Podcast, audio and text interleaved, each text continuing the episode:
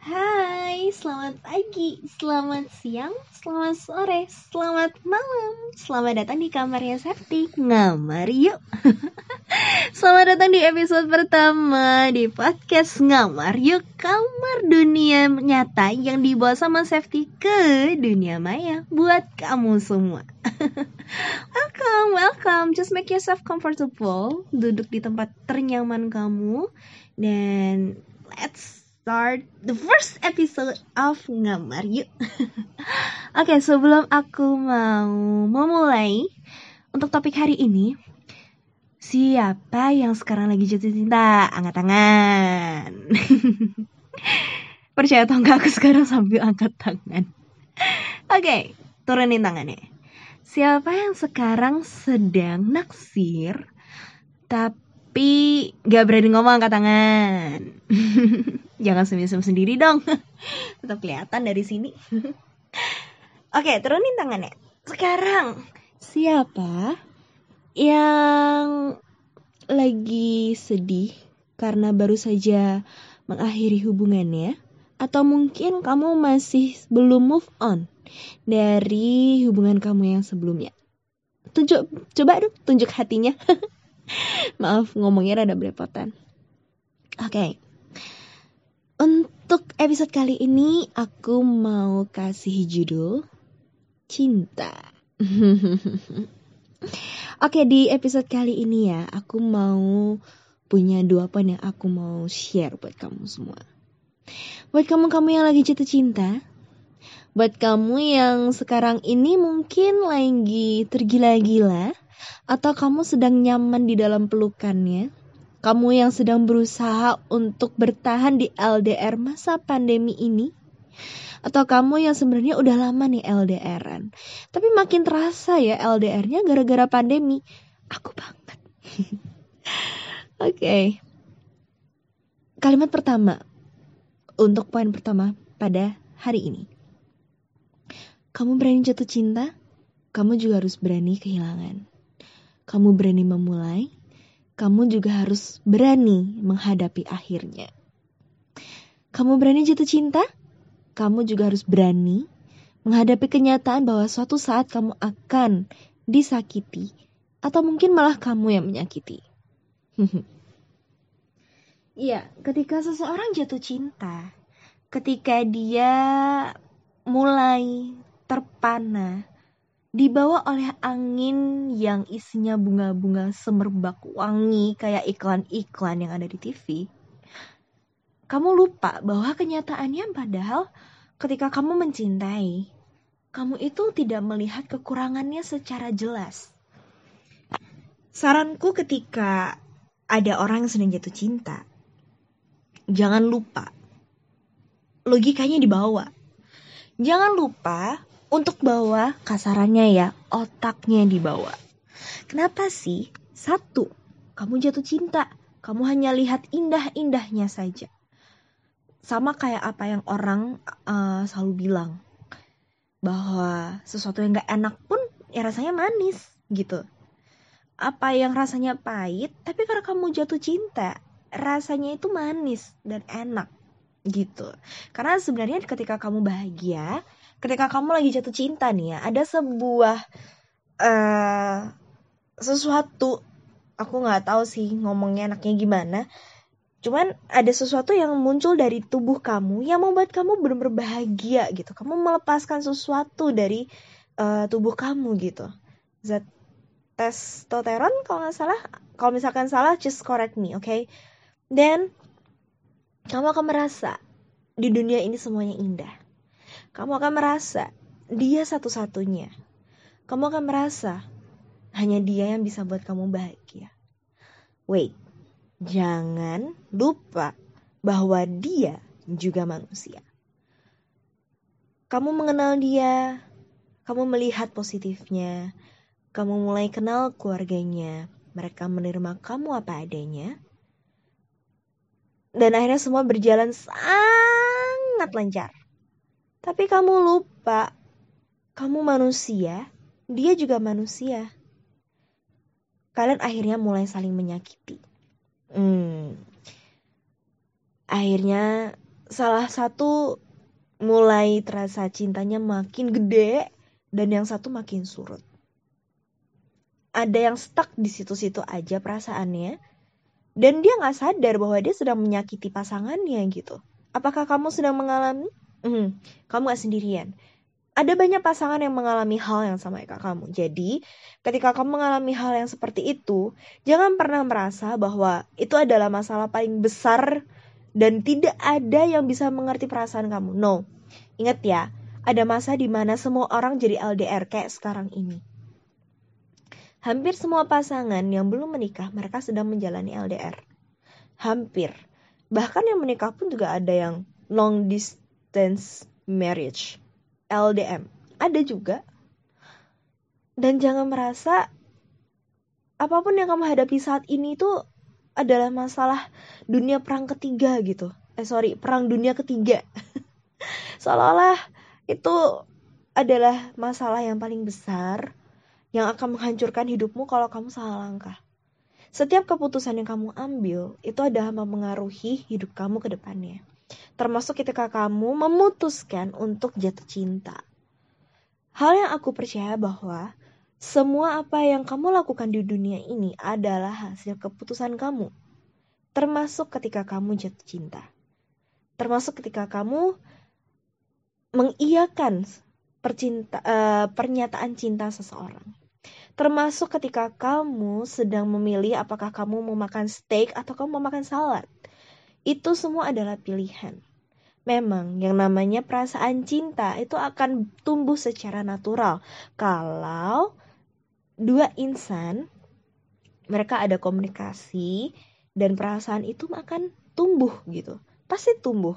Perasaan yang biasa aja, perasaan yang makin erat atau makin intim itu pasti ada. Tapi masalah untuk kalau kamu mau jatuh cinta atau tidak, buatku itu adalah keputusan kamu kamu memutuskan mengambil tindakan untuk hatimu jatuh cinta, jatuh hati kepada seseorang. Entah karena dia ganteng atau cantik, entah karena dia mungkin dia orang kaya, mungkin mulutnya manis, mungkin dia bisa memperlakukan kamu seolah-olah kamu ada di dunia ini, atau mungkin kamu jatuh cinta karena dia membuat kamu nyaman. Kamu bisa jatuh cinta itu karena kamu yang memutuskan. Hanya saja, orang yang jatuh cinta. Keseringan itu seperti orang yang lagi mabuk. Mereka mengkonsumsi alkohol berlebihan, akhirnya badan melakukan hal-hal yang tidak bisa kamu kendalikan. Kamu sadar, tapi kamu gak bisa kendalikan. Orang yang jatuh cinta, banyak kan seperti itu. Mereka mengkonsumsi bahan manis, seperti janji manis, seperti kencan manis, kata-kata manis, atau mungkin cerita-cerita manis yang dikemas sebagai aku cuma ceritain ke kamu.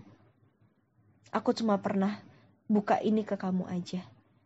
Aku percaya kamu akan keep cerita ini karena aku percaya sama kamu.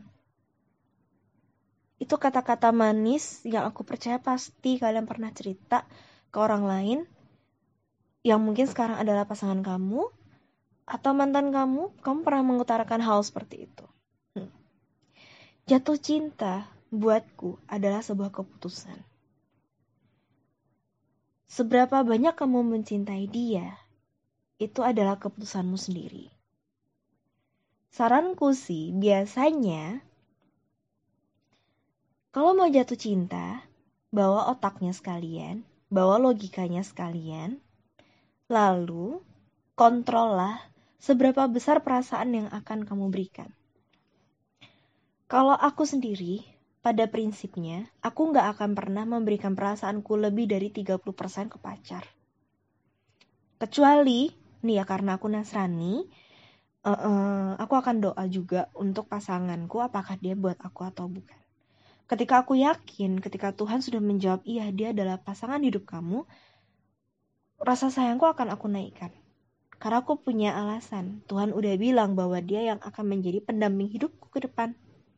Barulah perasaanku akan lebih banyak. Rasa cintaku akan lebih banyak dari sebelumnya. Itu kalau aku. Kenapa? Nah, ini kayak apa yang tadi aku bilang. Berani mencintai, berani menghadapi kenyataan bahwa kamu akan menyakiti atau mungkin kamu akan disakiti. Kalau nih semisal kamu dari awal jatuh cinta, terus kamu terlanjur memberikan semuanya tuh 100%. Sayang 100%, perhatian 100%. Dan ingat ya, ketika kamu sedang jatuh cinta, ketika kamu sedang pacaran, banyak hal yang harus kamu bayar melalui banyak media. Contoh, kamu akan mengeluarkan banyak daya, mengeluarkan banyak tenaga dan pikiran. Kamu akan berpikir bagaimana membuat dia bahagia. Kamu akan memikirkan banyak cara bagaimana membuat dia tetap bahagia, tersenyum, tertawa menghadapi hari-hari, atau mungkin menghadapi sesuatu dengan lebih tegar. Mungkin kamu akan lari ke rumahnya, naik motor ke rumahnya, naik mobil ke rumahnya, dan kamu akan membawakan sesuatu, mungkin kesukaan dia, martabak manis mungkin, atau coklat mungkin, bunga, atau sesuatu yang dia suka, or just easily take them to the movie. Itu semua banyak banget yang kamu kasih. Nah, tapi kamu terlanjur kasihnya 100%. Dan karena perasaan kamu terlalu kuat, kamu nggak sadar bahwa kamu sedang disakiti dengan cara dimanfaatkan. Dan ketika kamu sadar bahwa kamu sudah tersakiti selama ini, kamu jadi susah memaafkan. Ingat ya, berani mencintai, kamu juga harus berani menghadapi kenyataan bahwa kamu mungkin akan menyakiti atau mungkin kamu yang disakiti cinta itu nggak semudah I love you, you love me. And yes, I do. And you say you do. Selamanya kita akan jadi pasangan. No, cinta tidak semudah itu. Cinta adalah ketika kamu mau menerima kekurangan pasangan.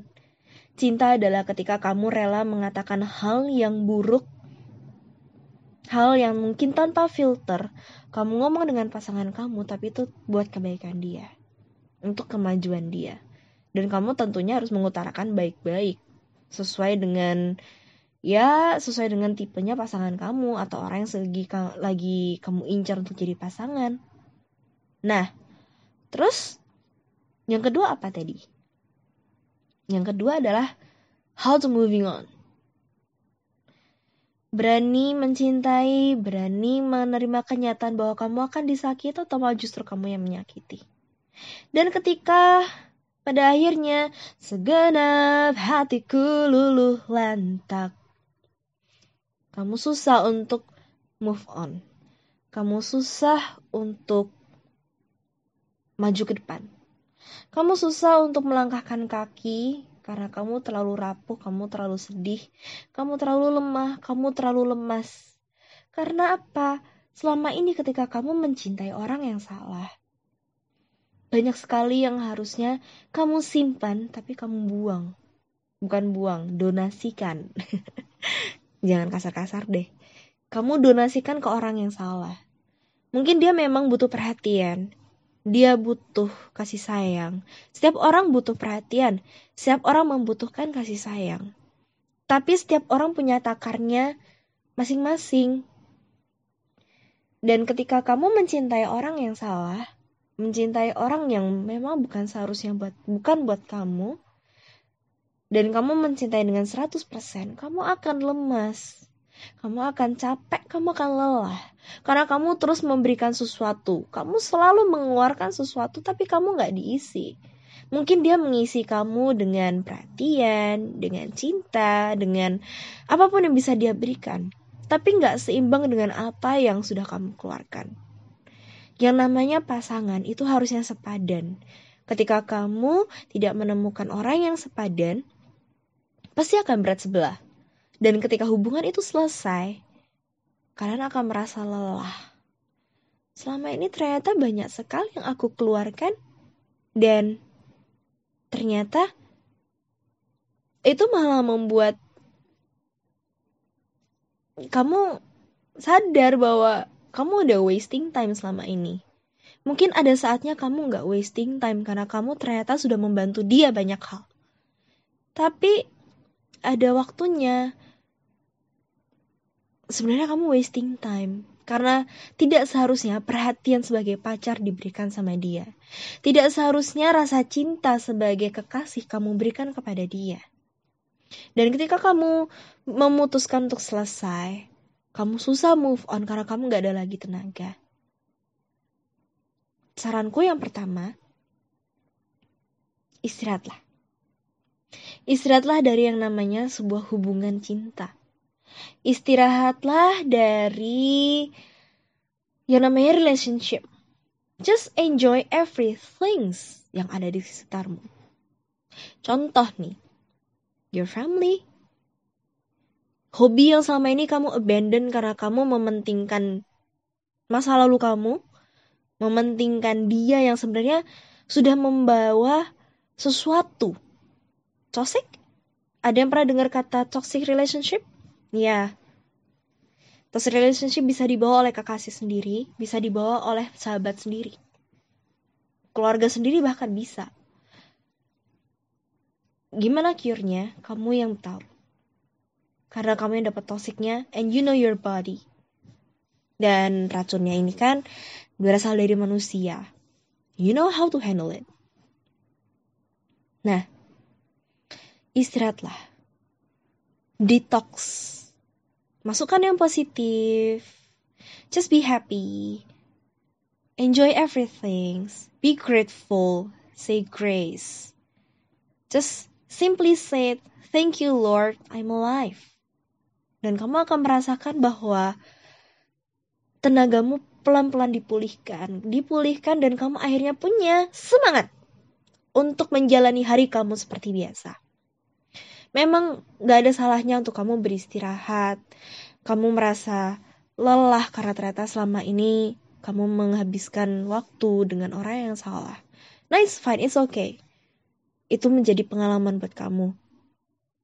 Tapi jangan pernah menyesal udah mencintai dia ya. Jangan pernah menyesal. Karena itu keputusan kamu. Setidaknya, kamu udah pernah mencintai orang dengan tipe seperti itu. Jadi, ke depannya, ketika kamu menemukan orang yang mungkin jadi sahabat kamu, yang mungkin akan jadi teman kerja kamu, kamu tahu bagaimana cara memperlakukan mereka. Kamu tahu kamu pernah disakiti dengan orang yang bersifat seperti itu. Dan kamu pada akhirnya akan tahu bagaimana kamu akan memperlakukan mereka dengan baik. Kalau kamu disakiti dengan oleh tipe orang A, dan kamu nantinya akan bertemu dengan orang A.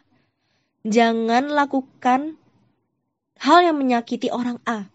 Jangan melakukan hal yang membuat orang tipe A ini jadi sakit hati. Jangan jadikan mereka samsak, jangan jadikan mereka pelampiasan. No, they don't deserve it. Karena mereka cuma cuma memiliki sifat yang sama, tapi mereka itu beda orang. Jangan pernah menyakiti orang lain cuman karena kamu menem kamu menemukan orang yang bersifat sama kayak orang di masa lalu kamu. Orang yang ada di masa lalu kamu pun berhak untuk mendapatkan cinta. Dan mereka sempat mendapatkan dari kamu. Percaya atau enggak, mereka akan secara natural, secara tidak sadar mungkin mereka akan bersyukur banget udah pernah ketemu kamu walaupun hubungan kalian harus kandas. Nah, setelah kalian istirahat, menemukan orang dengan banyak tipe, menemukan orang yang mungkin bersifat sama dengan masa lalu kamu. Ingat ya, jangan disakiti. Lalu, jangan cepat-cepat untuk memutuskan jatuh cinta. Ingat, apa pun yang menjadi langkah ke depan, apa pun yang menjadi uh, target kamu, apa pun yang kamu rasakan, Semuanya itu berasal dari sebuah keputusan. Kamu memutuskan untuk makan cabai karena kamu tahu itu rasanya enak dan kamu bisa uh, tahu bagaimana mengatasinya kalau kamu kepedesan. Minum susu, minum air yang angetan untuk ngilangin pedesnya. Karena kamu tahu bagaimana cara mengatasinya. Nah, nanti ketika kamu menemukan orang yang sudah men memperlakukan kamu uh, dengan baik, jangan cepat-cepat ambil keputusan untuk mencintai dia lebih dari seorang sahabat atau teman. No, don't. Take it easy, take it slow. You just break your heart. Ingat ya, pada akhirnya kamu memutuskan untuk mengakhiri hubungan dan kamu patah hati. Itu adalah satu dari resiko yang harus kamu tanggung karena kamu sudah ambil keputusan untuk mencintai dia yang sayangnya memang bukan buat kamu gitu. Itu adalah salah satu resiko. Jadi jangan salahin dia. Ya, aku putus sama dia karena dia selingkuh aku. No, jangan.